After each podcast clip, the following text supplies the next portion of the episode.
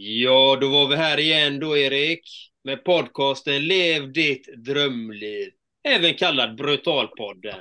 Podden som är till för att motivera och inspirera dig som lyssnare att våga utvecklas, våga utforska nya saker hos dig själv och våga ta de där viktiga, viktiga stegen till din egna framgång i ditt liv. Och idag, Erik, hur mår du idag, Erik? Tack för frågan Andreas. Jag sa det precis, jag hann säga, jag kom, jag kom in här liksom. Så hann jag säga hej till, till Diamantis här. Och så var det inte så mycket mer. Jag, jag var på ett annat ärende inne på stan här va. Så nu är jag på Entreprenörsgatan. Vi har ju lite ett eh, samarbete och så, så det är gött. Men jag kom precis in och så krånglade lite wifi och lite bluetooth och grejer. Så jag hann liksom inte säga så mycket mer. Men tack för frågan Andreas. Eh, med mig, förutom det då, men det är väl lite hela världen, så är det faktiskt väldigt gött liksom. Jag tycker det är gött. Det är ett gött läge. Jag känner att det är gött. Vad härligt. Och idag har vi faktiskt en gäst också, Erik. Ja, det, då har vi en gäst då, va? Och, och vi hann ju säga hej då. och du kommer vi prata mer om vad jag gör, eller Andreas liksom. Men, men eh, vi brukar presentera oss lite i början. Vi hann inte göra det här riktigt, så jag kanske bara kan säga så här att jag, jag jobbar ju också med hälsa och träning och kost och nutrition och såna grejer. Ehm, men, men det som har blivit lite min, eh, min eh, djupdykning där, det är ju mer träningen egentligen. Det är mer rörelsen, inspirationen och motivationen liksom. Så nu gör jag en del på YouTube och lite på Instagram och sånt där. Men det är mycket träning och äventyr. Det är det jag brinner för då. Eh, cyklade över, över, eller genom Europa förra 2021 och har planer på att cykla över USA till sommaren. Så jag är ju lite så här out, ja, lite bananas liksom. Så gillar man sånt så kan man följa mig. Så det är bra. Det är lite om mig. Jag tänkte passa på. Mm, det gör du helt rätt i. Mm. Ja, men... vad, vad brukar vi göra? Hur Ja, hur, och hur är, det med, hur är det med dig då, Andreas? Ja, med mig? Jo, ja, om jag ska vara helt ärlig så hade jag en febertopp igår. Så jag hade ju världens, fick ont i tredje ögat här. Jag brukar aldrig ha ont, jag hade otroligt ont där. Så, eh, så jag vaknade upp med det och trodde inte att jag skulle kunna jag har varit på begravning idag också, min svärfar gick bort här, så vi har haft en tillställning precis.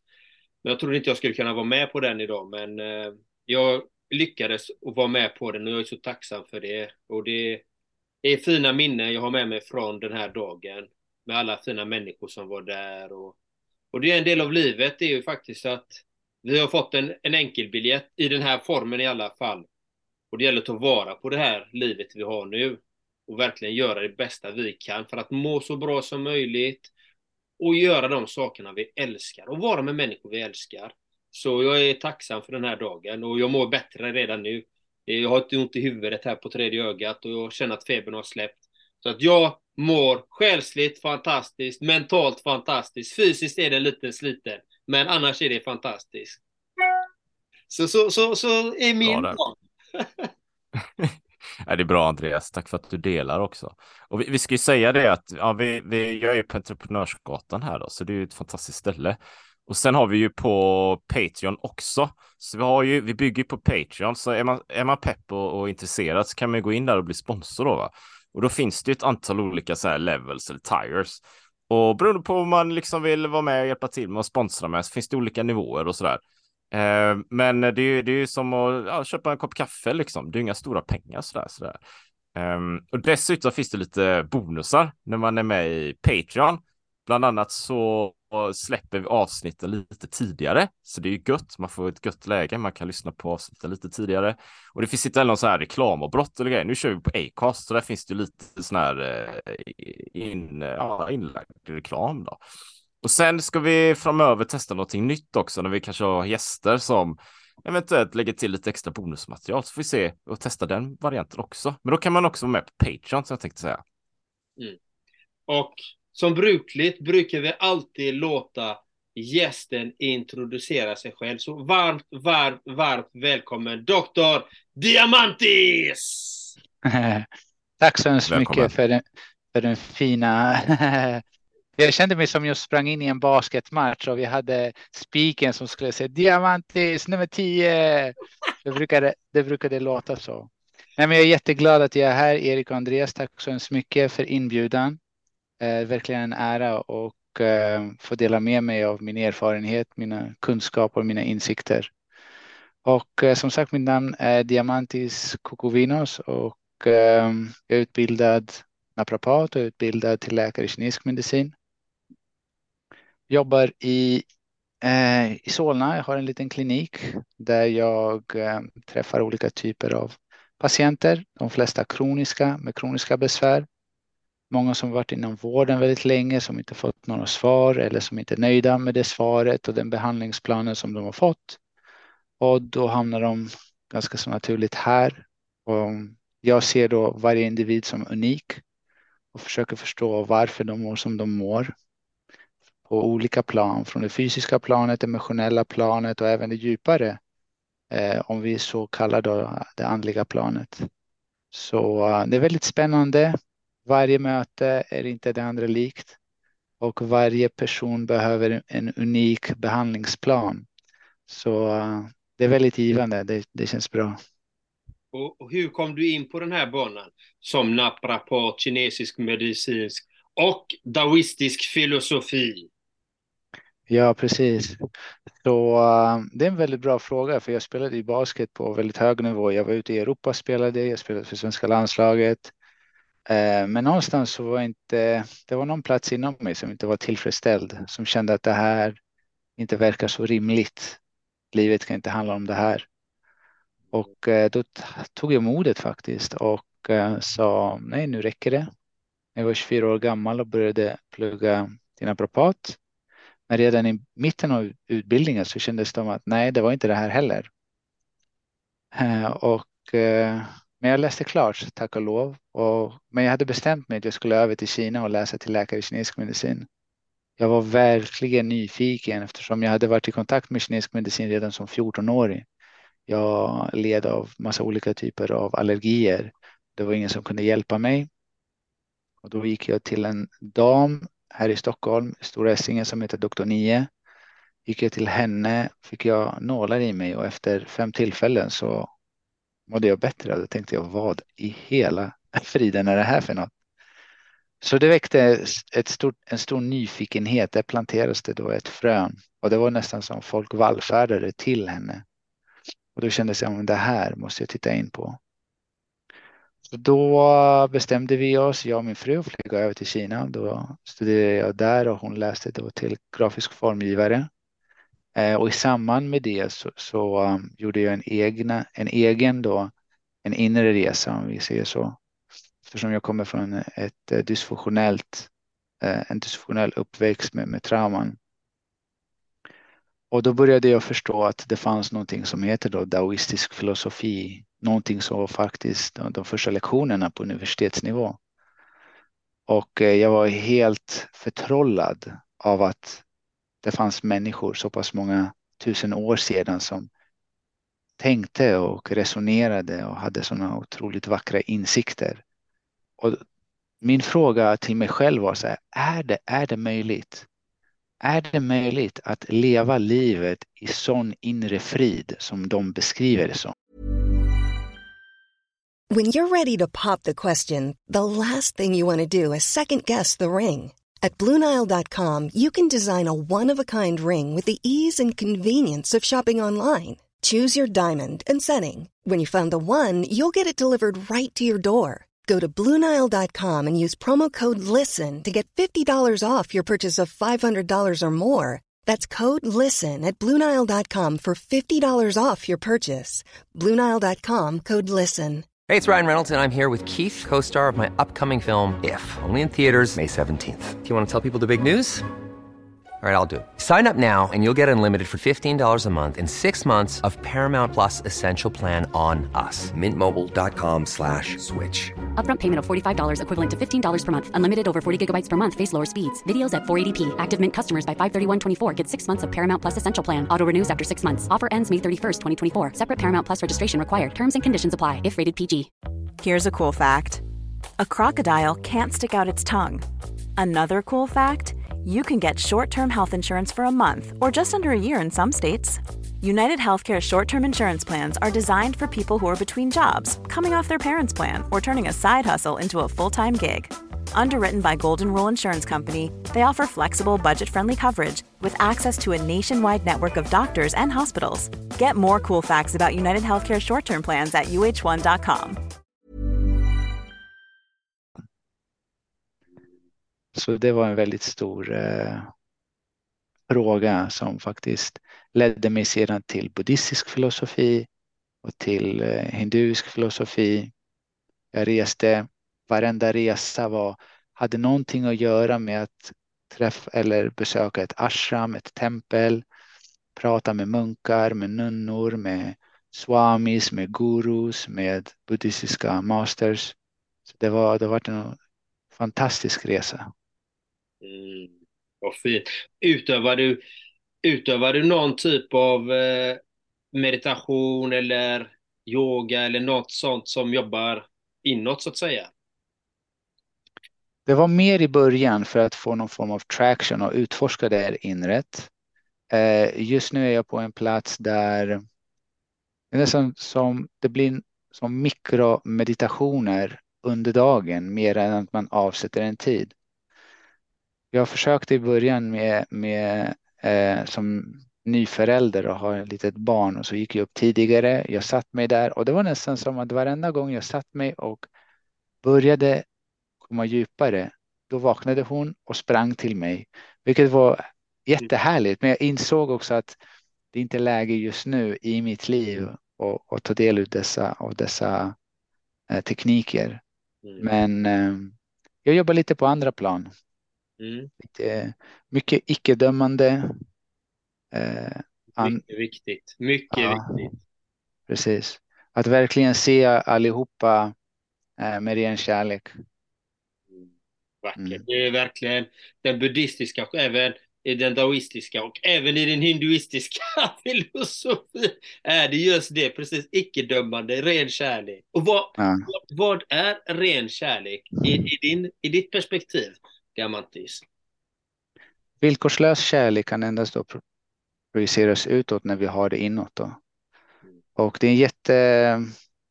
Det är en komplex fråga, det är en stor fråga, det är en väldigt djup fråga. Och, och, och den självkärleken, egentligen den självkärleken vi vi behöver, själv, vi behöver den villkorslösa kärleken från våra föräldrar som ett medgivande att vi ska älska oss själva. Och det här då, ifall det sker, då kommer vi växa upp utan att egentligen reflektera över det. Det kommer bli så naturligt för oss.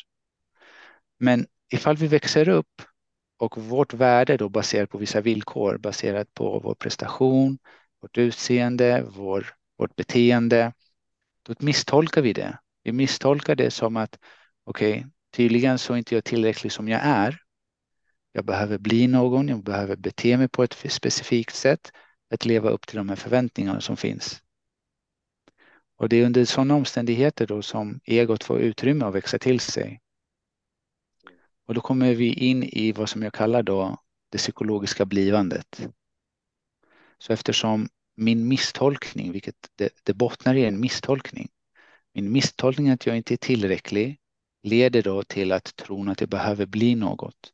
Så jag börjar, det kan vara vad som helst, eh, hoppa in i en akademisk karriär där jag verkligen strävar till att bli någonting som är väldigt, väldigt svårt.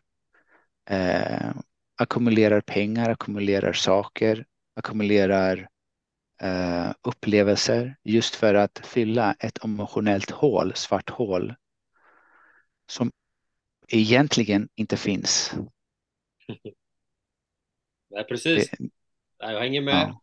Och jag har ju läst lite, du beskriver ju också om att eh, stress och allting är en, och många sjukdomar är psykologiskt eh, psykologiskt berättigat om man ska säga att de är, är i vårt egna ego, vårt eget tankemönster, i vår egen programmering.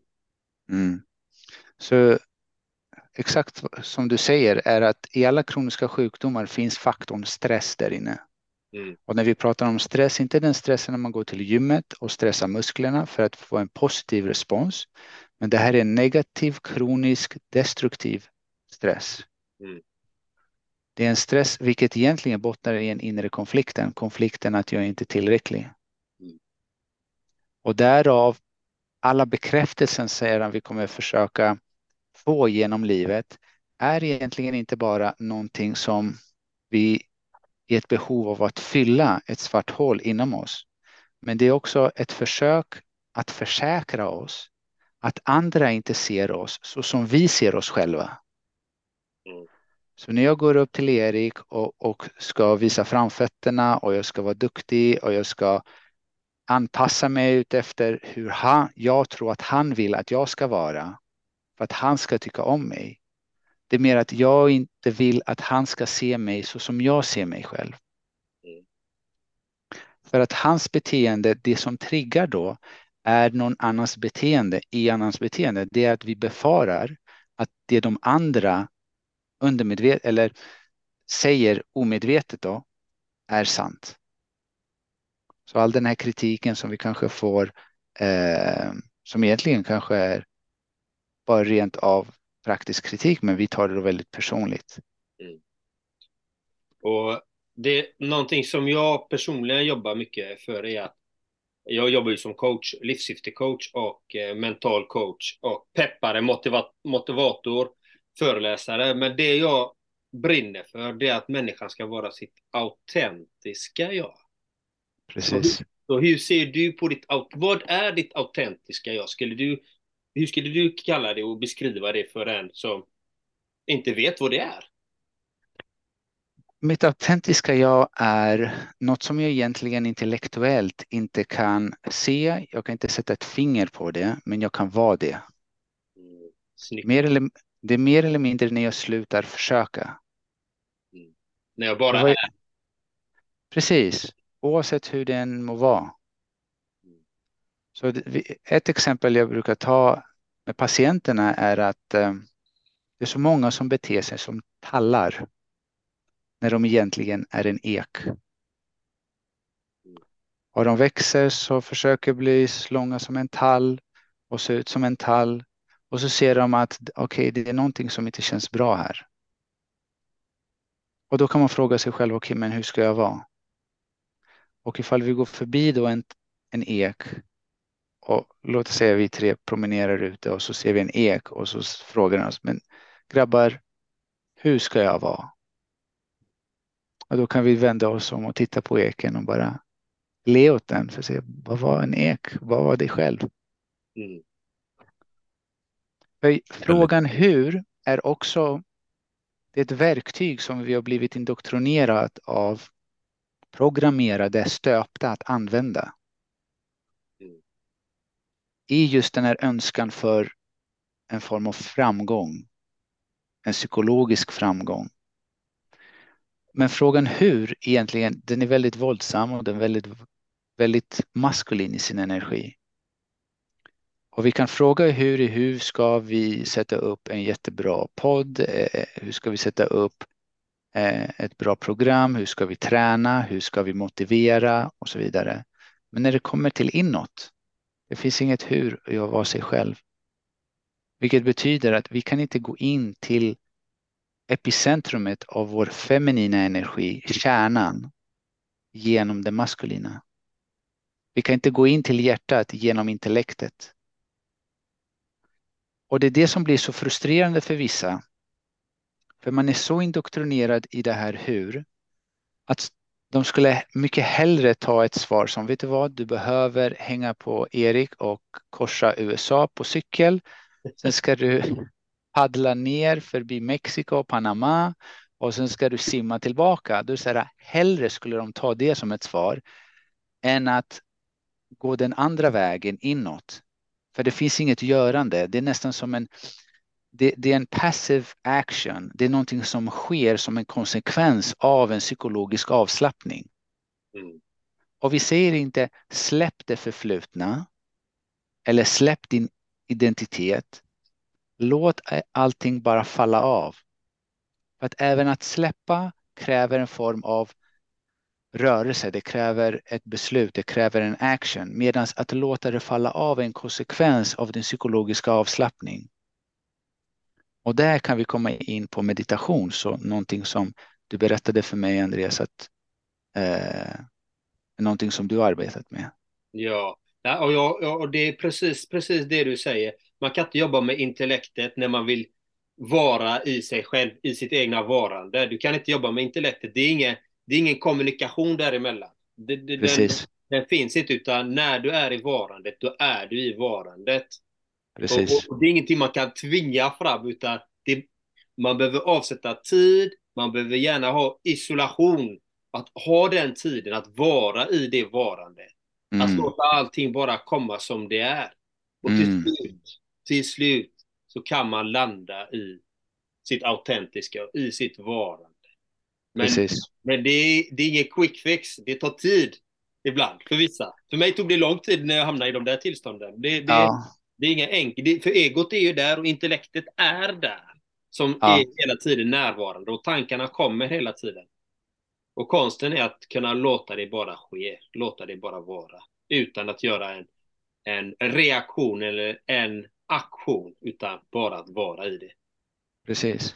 Och frågan hur, bara för att förtydliggöra, det är inte att vi har någonting emot frågan hur. Den är fantastisk när de kommer till de praktiska förändringar vi behöver göra för att skapa förutsättningarna för att kroppen ska må bra. Mm. Och då kan det vara så, okay, hur gör vi en frivändning? Hur ska jag eh, meditera eller hur ska jag sätta mig för att komma i bra teknik? Mm. Hur ska jag sova? Hur ska jag äta och så vidare? Så ah, de har också sin tid och plats. Men nu pratar vi mer om den inre esoteriska resan. Mm. Och jag kallar, jag kallar det lite det psykologiska eventhorisonten. Så genom kvantfysiken så vet vi också att det finns, det finns en punkt där då materia kan det har att göra med svarta hål och det har att göra med dess dragningskraft och så vidare. Men det finns då, vad jag vill säga är att du kan då genom jaget komma närmare, närmare dig själv. Men sen kommer det komma en, en punkt, en tröskel att när du har passerat, då finns inte jaget där. Mm. Och ju fort, så fort du blir då medveten om att du är i det tillståndet så är du inte där igen. Ja. det är intressant. Om man tycker det är intressant. Jag tycker sånt här är jätteintressant. Men det är, det är väldigt fascinerande att, att när man börjar utforska då sinnets natur mm. i dess bredd och i dess djup så börjar man inse att wow, vilken fantastisk värld. Och inte att det här är en separat värld från verkligheten. För att allt det yttre egentligen är en manifestation från hur det är här inne. För verkligheten är inte, den är inte som den är, den är som vi tror att den är, så som vi ser den. Mm. Och då vad vi pratar ja. nu om perspektiv. Mm. Ja, förlåt. Jag tänkte säga Erik. Nej, det är ingen fara. Det jag, jag, jag bara är tyst och liksom lyssnar. Först vill jag säga Diamantis att du har en väldigt skön berättarröst. Ja, tack. Um, så det, det, det, det, jag bara följer med här. Sen, det... sen lite, lite idéer liksom. Jag, jag, känner också att jag får mer harmoni när jag lyssnar här. Jag kom in mm. lite jagad kanske. Inte uppjagad, men lite stressad. Mm. Sen, eh, jag kan ju relatera mycket. Jag, jag har ju delat mycket i podden innan också, sådana här lite äventyr och grejer. Och jag har funderat mycket varför gör jag de här grejerna liksom? Är det någon sån här yttre grej som du var inne på det här Diamantis?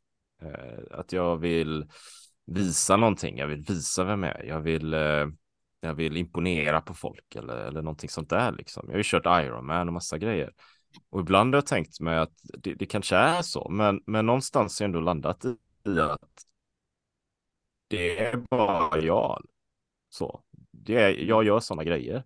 Och det finns en väldigt skön avslappning i det, en väldigt skön frihet i det. Och det gör också att jag egentligen inte har så stort behov att riktigt prata om det. Sådär. Jag behöver inte pådyvla någon annan att de ska göra sådana grejer. Jag, jag, delar gärna.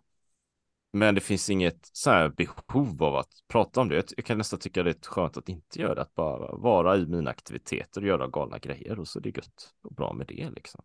Mm. Så, så, så det tänkte jag dela sådär, men sen, sen kan det ibland vara lite, jag kan också uppleva som en, en eh, när jag lyssnar på det du delar där, att, att livet kan vara lite som ett gummiband ibland. Att, att det är så här, okej, okay, men nu gör jag de här äventyren eller jag tränar någonting och det kommer från en inre källa. Så där, att jag vet varför och så. Men jag går in i huret kanske. Det blir en att göra-lista efter ett tag. Och då kan jag gå mer och mer in i, i huret och det yttre. Till slut blir det kanske som en, jag blir som en robot. Jag bara gör grejer, jag vet inte varför längre. Mm. Och så ska jag checka av och så blir dagarna oändliga och långa och stressade så här. Och så inser jag, inser jag så här, men vänta nu, jag har ju glömt bort någonting här. Nu har jag ju blivit den här, den här figuren. Jag har blivit den här äventyraren eller idrottaren någonting. Jag har ju tappat bort mig själv någonstans på vägen. Liksom. Jag har ju mm. tappat bort det, det inre där va. Mm. Och det, det, jag är ju kanske lite långsam då, lite trög ibland, innan jag fattar det, för det kan ju gå ett tag. Och då kan det vara så att jag kommer på att, ja men shit, det är ju den här Erik, den här vanliga snubben i, i shorts liksom, som bara går runt här och du vet, det är den, det, det är den jag är. Jag är inte den här figuren, utan jag har liksom hittat på en, en någon annan ex, ex, extern figur liksom. Så det gäller att hitta tillbaka hela tiden. Det här gummibandet åker ihop lite igen. Ja, men det är jättefint. Så som jag tolkar det, Erik, är just att det är helt okej att vara i den maskulina intellektet. Men om vi bara är där, det är då det kan bli lite skevt och då vi flyger i cirklar. Vi har bara en vinge och vi flyger bara runt, runt, runt och vi kommer ingen vart. Hela meningen med just utforska det inre är också att se att okej, okay, det finns ett inre, en inre värld, det finns den feminina energin. Upp, det kommer också andra vingen ut. Och med två vingar, nu kan vi flyga över hela jorden och ut till alla galaxer och längre bort. Mer eller mindre, mm. du kan försöka nå din fulla potential, vilket är ett, ett, ett, någonting otroligt fantastiskt. För att även den typen av retoriken och språket syftar till en plats hos oss alla. Att om du har en vision, om du har någonting du vill skapa och upptäcka, fantastiskt, fantastiskt, go for it. Gör det. Men här kommer hela kruxet. Inte på bekostnad av din egna hälsa och inte i tron om att du kommer bli något större, någonting mera. Men är det så till exempel nu, du cyklar över USA och så är det någon kanal där som plockar upp dig, den galna svensken som ska cykla över hela USA. Och så helt plötsligt så blir du en fenomensensation över hela internet. Ja, men den, varför inte? Upplev den platsen också och njut av den platsen också. Ja, exakt. Det är så vackert. det lär jag göra. men, det är ganska, det är ganska, men det är, det är intressant det, där med maskulin och, och feminin energi. Alltså jag, jag, jag min, min spontana tanke när du berättar det också, Diamantis, det, ja men nu har vi pratat mycket i podden om de här bitarna och, och sådär, eh, så jag har väl viss insikt, men ändå första tanken är, ja men hur gör man det? För då är det huvudet. Ja, precis. Då kanske, då är det den maskulina energi som kommer på där liksom, slå på ja. direkt. Ja. Och det är därför det finns meditation fantastiskt. Och skulle du gå och göra till exempel en vipassana retreat eller en dark room retreat. Att bara sitta. En är det tio dagar vipassana. Det finns ett ställe i Ödesö här i Stockholm eller utanför i Sverige är den. Du kan göra tio, tio dagar eller så kan du gå. Mina vänner har startat dark room retreat. För de som är erfarna kan gå in, kan börja med bara eh, tre dagar, två nätter. Och det är alltså det är en liten stuga. Du går in och det är kolsvart. Du ser ingenting. Och så sitter du där och du har din practice. Då, har, då är du lite erfaren och vet lite hur du ska göra och vissa olika tekniker. Och där kan man komma in väldigt, väldigt djupt och det finns olika typer av traditioner över hela världen som har använt sig av dark room retreats. För att man vet att när inget solljus träffar då näthinnan i ögat, då kommer melatoninet kommer sen göras om till DMT. Mm. Och det i sig kan hjälpa dig gå ännu djupare. Wow. Det, jag har ju hört historier om, jag har hört historier om munkar. De, de, eh, de lägger dem i en typ kista eller någonting och låser in dem x antal dagar så att de ska få vara där inne och mediterar. Du vet, de kan inte komma ut. Du vet, de är där en vecka eller någonting. Utan mat, utan vatten. Ja, det finns Extrem olika sätt. meditation. Ja, det finns olika metoder just att bryta ner sitt ego. Och eh, något som jag kan dela med mig när, jag, när vi blev inbjudna till ett ashram i utkanten av Indien i, i gränsen mot Pakistan så, så var det, jag kom, det var fantastiska människor som, som bodde där. Och en av dem, jag var så fascinerad för under två år så gjorde han något som kallas för SEVA. SEVA betyder selfless work. Det säga, jag, har ingen, jag har ingen egen röst i form av att jag vad jag vill, jag är där och tjänar alla som behöver hjälp. Och det var bara, det var bara en förberedelse och den här förberedelsen, han var redan två år inne på den och då tänker man två år på bara en förberedelse för att bli initierad i din hinduiska traditionen och bli en sannyasi.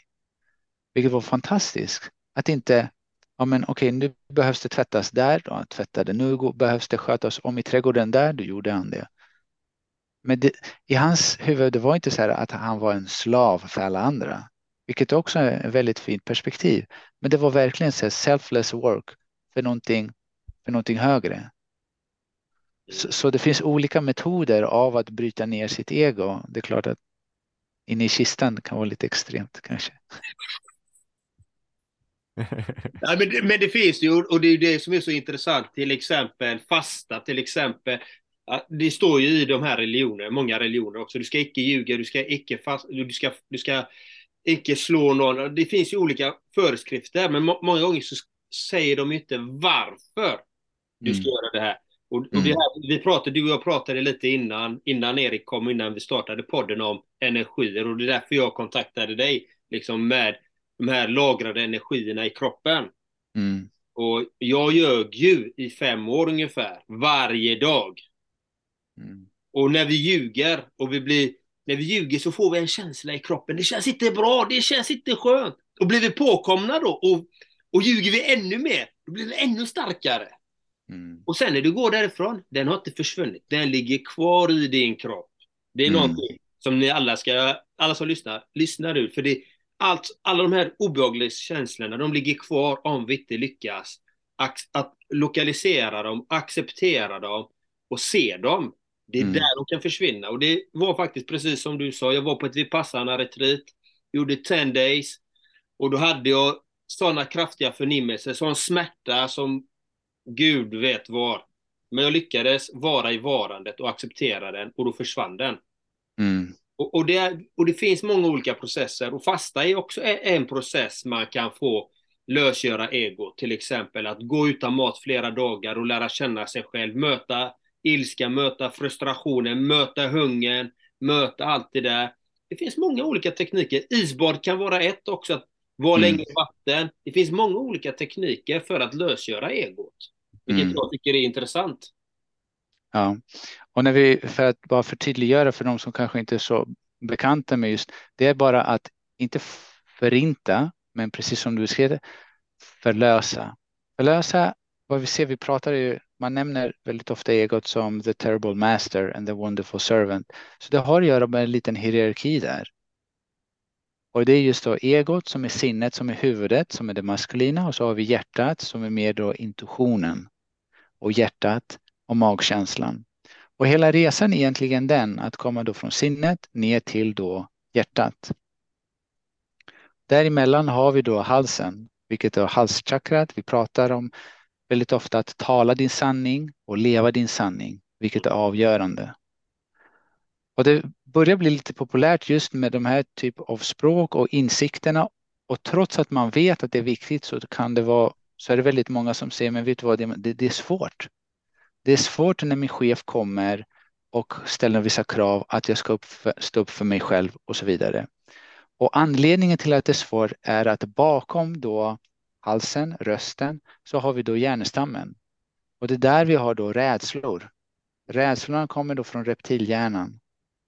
Det är en urgammal system som finns där för att skydda oss. Och för att passera det behöver vi då möta våra rädslor som väldigt ofta bottnar just i, då i rädslan att bli avvisad, rädslan att dö, vilket mm. är den största rädslan. Men just, just att bli avvisad kommer då i hand i hand just med vår dysfunktionell uppväxt eller våra trauman. Eftersom våra upplevelser skedde då i det oförutsägbara.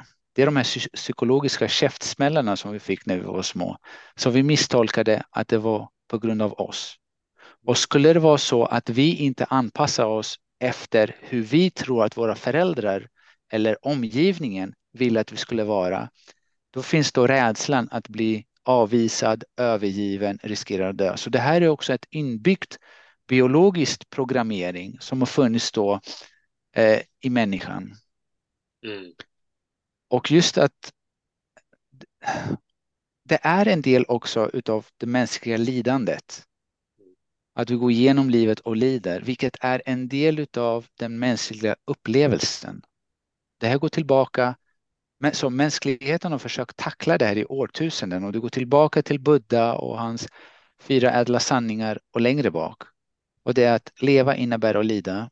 Lidandet kommer från identifieringen med dina tankar, med ditt ego. Tre, det går att bryta sig loss. Och fjärde, vi bryter oss loss genom att skapa distans.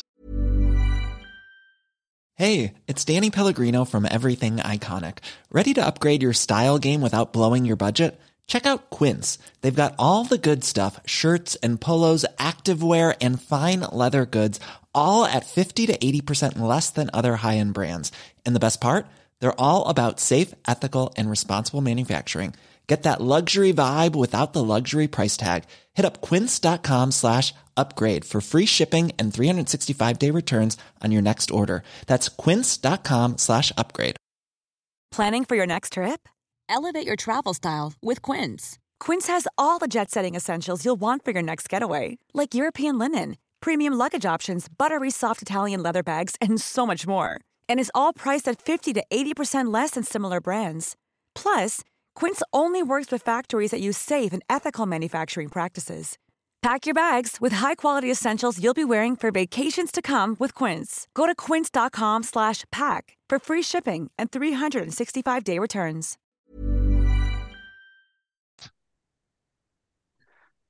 Så och det är klart en inre evolution har sin sin resa och man kan få vissa typer av insikter som kan verkligen skifta ditt perspektiv på hur du ser på saker och bara det kan förändra det här flödet.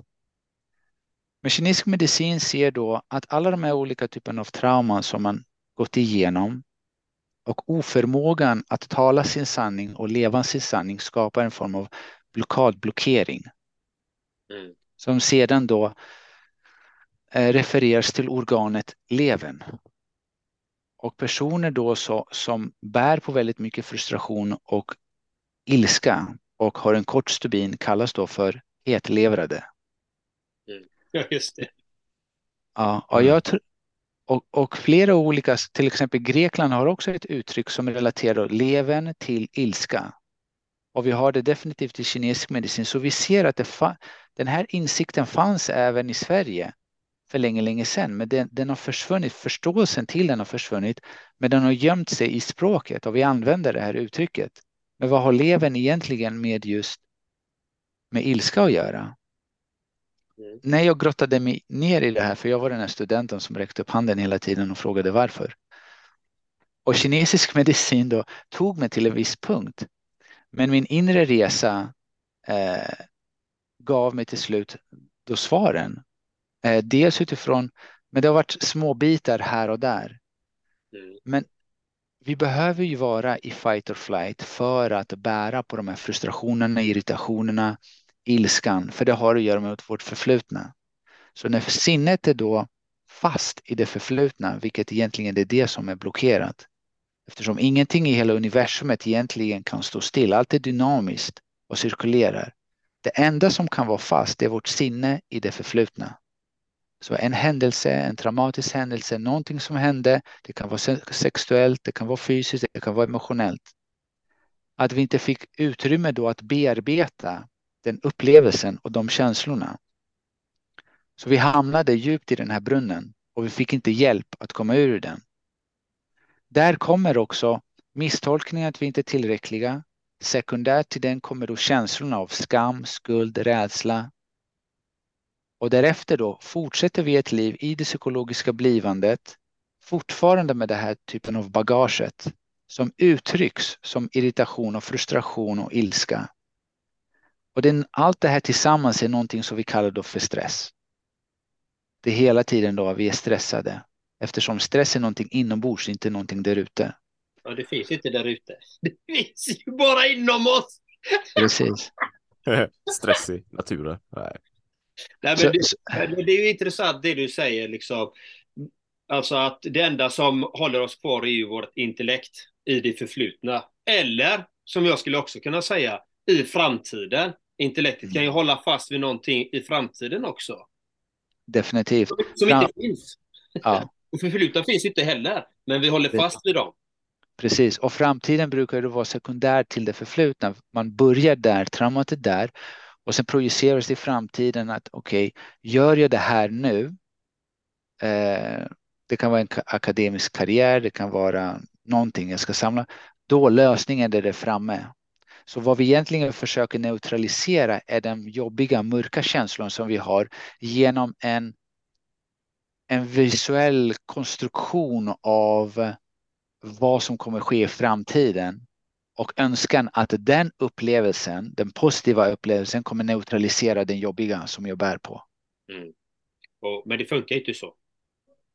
Nej, och, jag, och, och det är någonting som, som väldigt många då får uppleva när de når sina delmål, sina mål är att ingenting har förändrats. Jag vaknar nästa dag och jag fortfarande samma miserabla, nästan rutten inombords. Mm. Och det är egentligen, jag, jag, pratar för mig själv. Jag pratar från mina egna försök att komma loss ur det som jag hade upplevt som liten. Jag förstår. Hur, hur, Välkommen hur, till eh, Ja.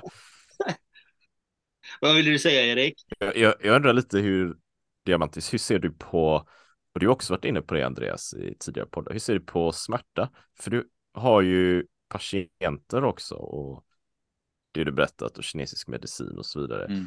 Jag har mer och mer börjat fundera på om just det här stress eller ilska eller undertryckta känslor och liknande kan ha, kan uttryckas genom smärta i olika former, kanske kronisk smärta, snarare än att det kanske finns strukturella orsaker, att man har jag har ont i benet för jag stukade foten. Liksom. Att det, det är inte en strukturell sak, utan det är något helt annat.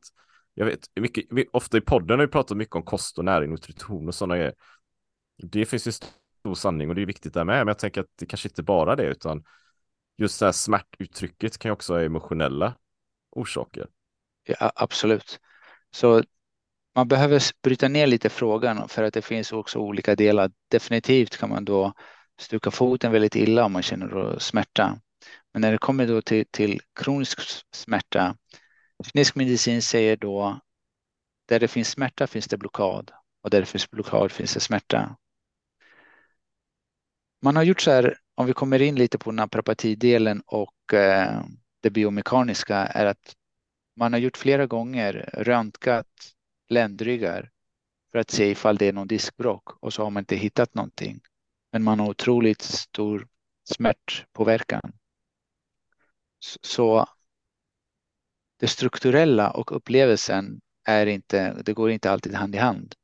Så vi skulle kunna ta hundra personer från gatan och, och röntga deras ryggrad och se jättemånga diskbuktningar och, och facettleder som är degenererat och så vidare. Men de har inga symptom.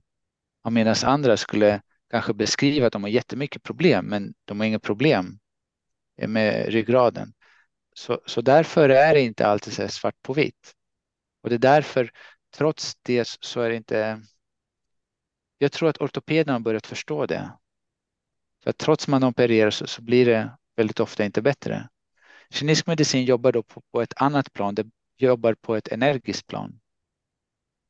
Och det är väldigt ofta så har jag haft patienter som har gått till naprapater och, och, och de gör ju ett fantastiskt jobb. Men hur många gånger går inte någon och får en nackmanipulation för att känna sig lite bättre för att sedan behöva gå tillbaka igen?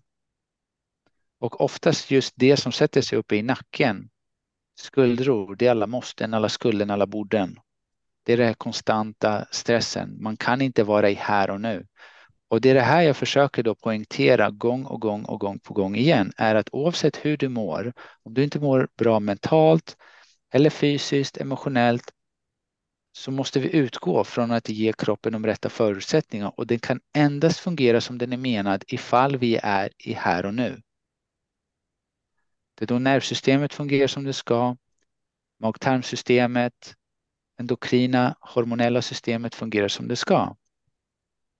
Annars är det så lätt att vi ska bara fixa någonting för att gå tillbaka till samma beteendemönster som inte tjänar vår hälsa. Och det här blir då, det här är någonting otroligt viktigt för mig att prata med mina patienter om. att de ska börja förstå och inse, okej, okay, först och främst att förstå vad är problemet. Dels grenen som vi pratar om, symptomen och sen roten, så varför? Och däremellan då är det också ett stort spektrum som man kan bryta ner och mm. se de olika komponenterna. Jag, jag tänkte... Men jag, jag... Ja. Du har lite dåligt, du har lite jag, dålig täckning. Jag tänkte bara som en, en äh, jättespännande där. Har jag det? Ja, du hade men, det. Är med, med, eller? Ja, men du har lite dåligt. Ja. Speciellt när du rör dig från micken. Så, och så. så ja, men, oh, ja, men det flyter på. Okej. Okay. Eh, nej, men, saken är att jag läste för eh, kanske någon månad sedan just om det här då, Diamantis. Eh, om en bok här, John E. Sarno, Healing Back Pain. Just för att jag haft problem med ländryggen. Och jag har haft det i många år liksom. Eh, men innan jag läste den här boken, mer om det emotionella, liksom undertryckta känslor och att det kan i sin tur göra att man får smärta och liknande, så har jag ju inte riktigt tänkt i de banorna ärligt talat. Utan jag har ju tänkt så att det är strukturellt. Och sen har jag ju gått till hur många så här naprapater, kiropraktorer och bam, bam, you name it, hur många grejer som helst. Och, och grejen är ju fortfarande kvar. Så jag har ju fortfarande problem med ländryggen. Och, och sen har jag ju läst jag den här boken och det är exakt så som du beskriver det här, Diamantis, att Ja, men de har ju gjort de här MRI och röntgenundersökningar och liknande och de hittar ja, på de här människorna så har de alltså diskar sticker ut allt möjligt, men de har ingen smärta. Och sen har de eh, motsatsen då, de här som faktiskt ser väldigt bra ut. De tar röntgen, MRI och så vidare, CT-scan och allt vad det heter. Eh, där, där det ser bra ut, men, men de har smärta å andra sidan. Sådär, va? Mm. Så det är ju väldigt så här data som inte riktigt sammanhänger, så det måste ju vara någonting annat då. Och då funder, börjar jag fundera i de här banorna själv. Hur är det egentligen? Sådär, jag har alltid tänkt strukturellt då. Och så börjar jag fundera på mina lopp och så. Jag snackar lite om Ironman så här. Det är jättekonstigt, för innan jag kör sådana grejer, då har jag alltid ont överallt. Då är det ju ländryggen, du vet. Den håller på att gå av och knäna, det, det, de är kassa och jag blir förkyld och jag gör massa grejer. Jag ska köra Vasaloppet en gång och så satt jag på tåget och bara käkade rå vitlök hela vägen upp liksom. För jag tänkte jag måste bli frisk, jag måste bli frisk. Så det, det är ju så här, det är stark stress där. Va? Men, men grejen är ju då att när jag väl kör de här loppen, då känner jag mig i princip alltid bra. Va? Och det är jättekonstigt. Så jag har haft mm. jätteproblem och sen kör jag och så känns det skitbra. Jag körde Ironman här nu i Kalmar. Bara jag kommer få massa problem. Jag kände väl lite grann vid simningen, kanske ländryggen, men alltså annars gick det jättebra. Det var världsklass på den dagen. Va? Och då berättar ju det någonting för mig att men det finns ju någon sanning här. Och jag var faktiskt hos den, för jag ville titta lite på det här och det här var innan jag läste den boken också. Men jag bokade in en tid hos en fysioterapeut här i Göteborg. Och så gick jag dit och så satt vi och snackade lite. Och så gjorde jag vissa lite övningar och så. Och så kom hon själv, jag nämnde ingenting om det här, men hon kom själv in på det här att det kan ju vara emotionellt också då. Så bara, ja, det är jätteintressant. Och sen gjorde jag lite övningar och så tittade jag lite på musklerna och sa, ja, men det är inget strukturellt. Det ser ju bra ut. Alltså, du, du, det funkar ju. Va? Men jag ser att dina muskler, de är ju stenhårda. De är ju, de är ju så här riktigt, riktigt spända. Va? Och allt det här hänger ihop. Jag tänker, ja, det är möjligt att det är väl så då. Det, och det kan ju vara emotionellt emotionellt som ligger och trycker. Min poäng i slutändan är väl egentligen att ja, och för lyssnarna också, kanske titta inte enbart på det strukturella utan titta också på det emotionella. Det kan vara så att det känns bra, det är bra, men om det är undertryckta känslor så kanske det är något annat som ligger och lurar där. Va? Och det kan mm. vara där som svaret är. Ja, definitivt. Och det är en jätteviktig plats att kolla in på. Samtidigt, bara för att klargöra att vi menar inte att allting är i vårt huvud. Det kan definitivt finnas då andra faktorer som påverkar också. Men det finns ju någon, en, det gjordes en jätteintressant studie eh, om vi kommer in lite på placebo. De gjorde placebokirurgi på patienter med eh, knäosteoartrit, vilket betyder en degenerativ autoimmun sjukdom där brosket, leden förstörs fullständigt i knäna. Och då delar man upp dem i två grupper. Den ena gjorde man då en totalplastik som man tog bort mm. då knäleden och la dit då en artificiell. Och just de andra gjorde man en placebokirurgi, vilket de hade förinspelat hela kirurgin från någon annan patient. De visade dem i en monitor. Samtidigt så, så var de då lokalbedövade, så kirurgen då hade ett samtal med patienten medan han bara gjorde ett småsnitt på huden, kastade runt papp, eh, vatten och du vet, sydde på och lindade om. Och resultaten var helt fantastiska. De människorna som hade då helt förstörd knäled var helt symptomfria. Mm. Och då går vi tillbaka då till tankens kraft och hur pass otroligt avgörande det är att ha tillit till kroppen, tillit till livet, att livet bär en. Och även ifall man kan också ha tillit att det finns någonting större som vakar över en. Det, det är ännu mer, ännu kraftfullare. Jag försöker hitta motsvarigheten till empowering. Jag, jag kommer inte på vilket ord det är. Motsvarigheten till empowering. Ja, det är inte upplyftande, det är vad kan det vara? Empowering. Ja, det, det är något väldigt starkt. Det är någonting som drar dig vid, som lyfter dig ändå, som får dig att ta dig över allting. Som det är en kraft som... Ett, ett förkraftigande. Ja, men det, och, men det, det, är ju så som att man säger du har ett högre syfte, du har ett högre why liksom. Och har du ett högre why än dig själv, precis som du nämnde innan Diamantis om den här mannen som som osjälvisk i två år har förberett sig. Han har ju ett högre syfte med det han gör. Han gör ju det inte bara för att han har ett högre syfte med det. Och har du ett högre syfte som är gott så kan du göra, kan du, kan du gå och göra de här sakerna hur mycket som helst nästan. Din energi tar ju inte slut. Mm. När du har ett högre syfte. För det blir en sån styrka. Det blir, och den här styrkan vi förklarar det genom kinesisk medicin, det är det vi känner, det vi tänker och det vi säger är då ett, en linje. Det blir nästan som laser. Och det här kan då, det, det kommer, det kommer få igenom, föra dig igenom i livet den vägen på det sättet så som det är menat. Så länge du har tillit till processen. För ibland så kan det också kännas att okej, okay, det går inte som jag förväntade mig. Då har du förväntat dig något. Exakt. Exakt. Och det, intressant, det intressanta är att vi kan inte förutspå exakt hur det kommer bli. För att livet sker i det oförutsägbara. Mm. Och det är ännu en sak som är väldigt svårt för många att ta till sig. Just för att våra trauman och vår dysfunktionella uppväxt skedde i det oförutsägbara och det gjorde då att vi kastades in till det föruts Säg bara att vi försöker då ha kontroll. Mm. Men precis, kontroll begränsar oss. Mm. Vi kan inte växa i kontroll. Vi behöver det oförutsägbara. Vi behöver det spontana. Och ett exempel till om vi skulle åka på semester. Om jag skulle säga till er grabbar, vet ni vad, följ med mig. Vi åker till Grekland. Vi ska åka till, till min by och så skulle jag visa er på, på, på Google och eh, vart det är. Jag ska visa er bilder så skulle jag säga, vet du vad, här landar vi. Sen blir vi upphämtade härifrån. Vi blir körda dit. Så här ser hotellet ut. De här maträtterna kommer vi äta. Den här avenyn kommer vi gå På den här stranden kommer vi bada. Och det säger, what's the point om jag redan har sett allting i förväg? Medans om jag åker på en resa, de bästa resorna jag har gjort, det är de jag åkte medan jag studerade i Kina, ner till Sydostasien, enkel biljett har inte planerat någonting annat. Mm. Det har, de resorna i alla fall är det absolut bästa. Och det är såklart, har man en familj, då kan man inte kanske göra på det sättet. Men hela poängen är varför vi har ett behov av kontroll.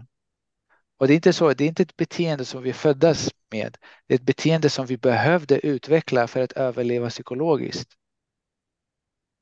Men just nu, trots att det var då en överlevnadsmekanism, just nu är det som förhindrar oss att växa. Mm. Ja, men, och, och, det är ofta så, alltså vi lever ju i ett samhälle som bara spinner på. Det, krä, det upplevs att det kräver mer av oss. Mm. Det är mera krav utifrån. Eh, vi har, ja, du, ska ha två, du ska ha två barn, du ska vara gift, du ska ha hus, du ska, du ska ha en, eh, en van, du ska ha en hund, eh, du ska vara direktör, advokatjobb eller ha vara aktiemäklare eller whatever. Du ska ha detta, detta, detta innan du är 30. Gärna allt samtidigt. Exakt. Ja, ja, jag håller helt med dig. Alltså, ja, du vet, eh, tänk på det nu i och med att när kanske mellanryggen och lite omtänk så här och jag har ändrat lite andra förutsättningar i livet senaste tiden också. Men den här, mina bästa resor har absolut varit så enkelbiljett bara. Jag kommer ihåg när jag, jag mm. blev 19 någonting, tänkte ja men nu ska jag lära mig spanska, köpte en enkelbiljett till Spanien och så åkte jag dit bara liksom. Wow. Eh, och jag bodde i Japan och jag har också varit i, du vet, jag bodde i Japan där ett år, så tänkte jag men nu ska jag åka hem till Sverige, allting var klart och så, jaha, det, det typiska har varit att köpa en flygbiljett så åker man hem, det, det är så man gör liksom. Många. Nej, men du vet, jag vill ut på äventyr, jag vill se världen, jag vill inte ha alla de här grejerna. Så vad händer om jag tar, köper en färjebiljett istället till Shanghai? Va? Ja, så gjorde jag det. va. Eh, så åkte jag dit, tog tre dagar någonting. Det var, det var en hel, den resan var en helt magisk resa, så det var ett avsnitt i sig själv. Va? Men så kom jag till Shanghai och sen bara reser jag runt där i tre månader. Eller två månader i Kina och en månad med Transsibiriska järnvägen mm. eh, genom Ryssland då, och sen därifrån hem allting, liksom inga planer eller någonting. Jag hade den där Lonely Planet-boken. Och liknande resor har gjort efteråt då. Men det är den här, inte allting så planerat. Och det kan jag uppleva nu då, kanske ibland med träningen till exempel. För träningen i viss mån är ju strukturerad. Man går och så ska man träna och så ska man göra vissa pass och så ska tjo, tjo, tjo, tjo. Att, att det kan ju vara din, din styrka i det, för du tar ju dina steg och du når dina mål. Men det finns också en viss låsning i det. Det gör att du hamnar i ett visst mönster. Du ska göra de här, de här grejerna.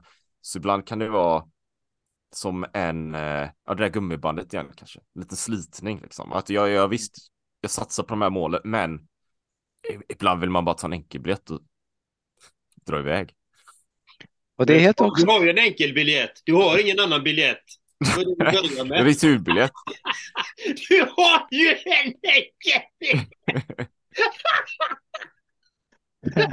du har ju bara en enkelbiljett Erik, i den här formen. Ja. Jag har bara en, en enkel biljett. Nej, jag tänker på det med resa och, och, jag tänker det när du säger det feminina hjärtat, eh, Diamantis. Och då, då, då reflekterar jag ju till när jag hittade hem. Min, min vackraste resa, det var ju en inre resa. Exakt, det, var, var, det var ju en retreat med compassion and love. Det var bara fokus på det. Mm. Och så var det ändå då man skulle sitta, söjl där, ja ni kan sitta uppe hela natten tills månen, tills månen går ner och solen går upp.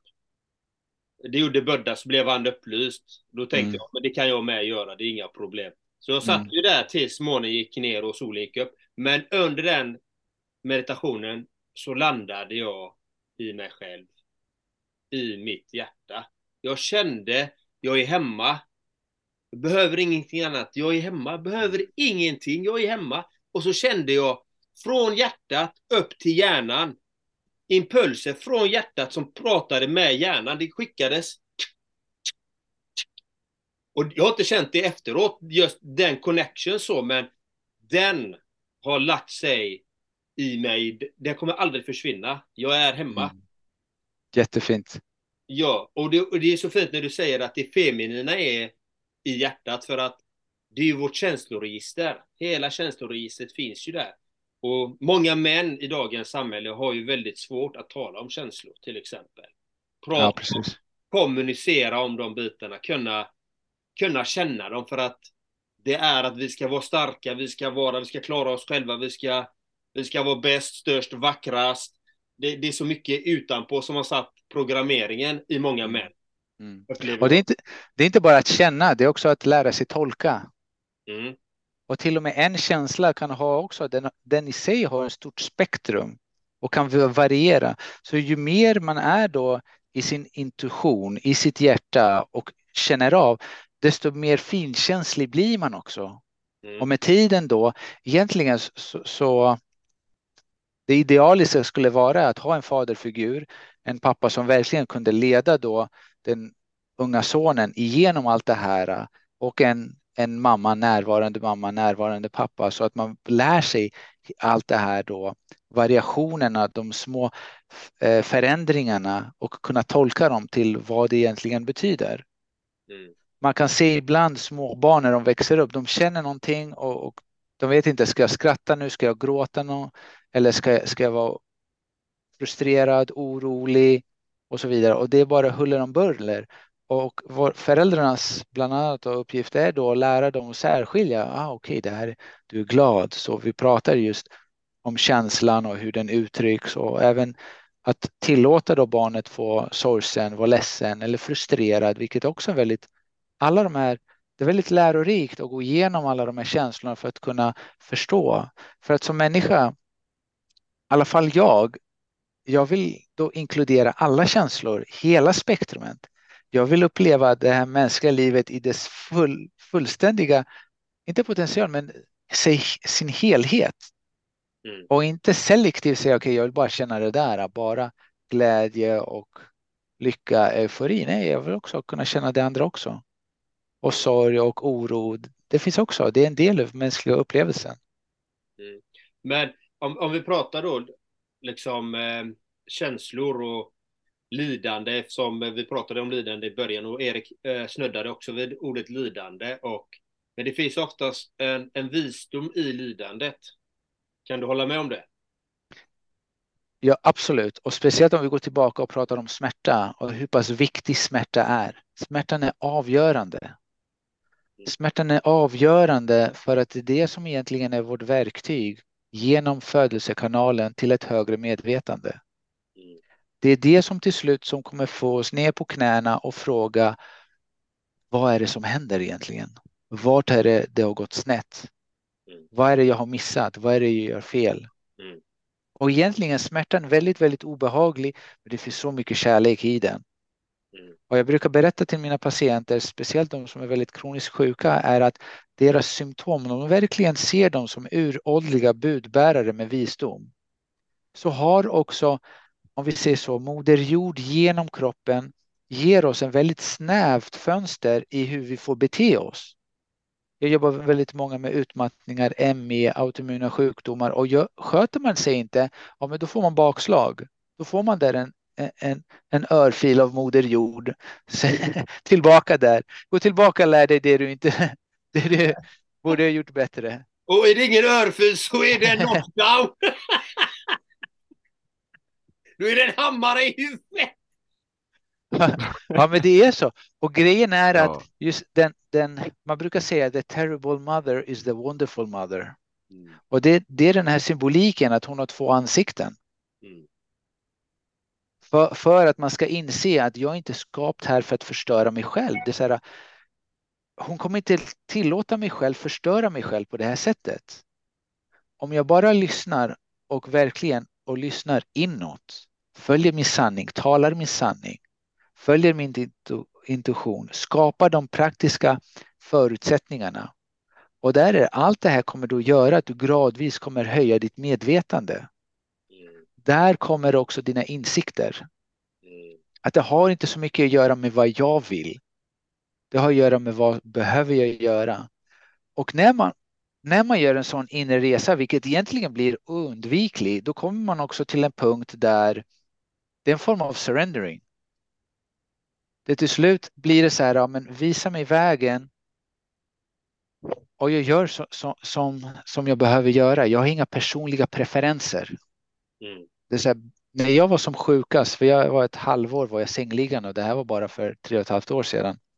Då var det verkligen så att behöver jag äta rå lever och vitlök i resten av mitt liv, I do it. För att jag väljer liv. Jag väljer min hälsa, jag väljer liv alla dagar i veckan. Ta allt, ta allt jag äger. Jag är inte intresserad av någonting. Ta det. Det enda jag vill, jag vill liv. Jag vill leva. Det här, vi ska gå in på det här med nu.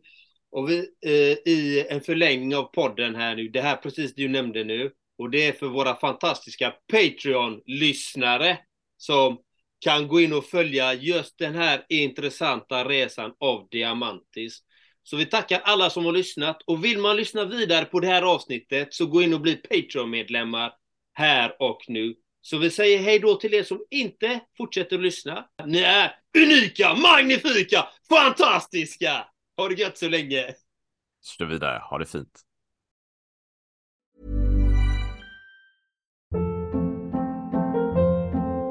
Hold up, what was that? Boring. No flavor. That was as bad as those leftovers you ate all week. Kiki Palmer here, and it's time to say hello to something fresh and guilt-free. Hello Fresh. Jazz up dinner with pecan-crusted chicken or garlic butter shrimp scampi. Now that's music to my mouth. Hello Fresh. Let's get this dinner party started. Discover all the delicious possibilities at hellofresh.com. Hey, it's Paige DeSorbo from Giggly Squad. High quality fashion without the price tag. Say hello to Quince. I'm snagging high-end essentials like cozy cashmere sweaters, sleek leather jackets, fine jewelry, and so much more. With Quince being 50 to 80% less than similar brands. And they partner with factories that prioritize safe, ethical, and responsible manufacturing. I love that. Luxury quality within reach. Go to quince.com slash style to get free shipping and 365 day returns on your next order. Quince.com slash style. Imagine the softest sheets you've ever felt. Now imagine them getting even softer over time. That's what you'll feel with Bowl and Branch's organic cotton sheets. In a recent customer survey, 96% replied that Bowl and Branch sheets get softer with every wash. Start getting your best night's sleep in these sheets that get softer and softer for years to come. Try their sheets with a 30-night guarantee. Plus, get 15% off your first order at bowlandbranch.com. Code BUTTERY. Exclusions apply. See site for details.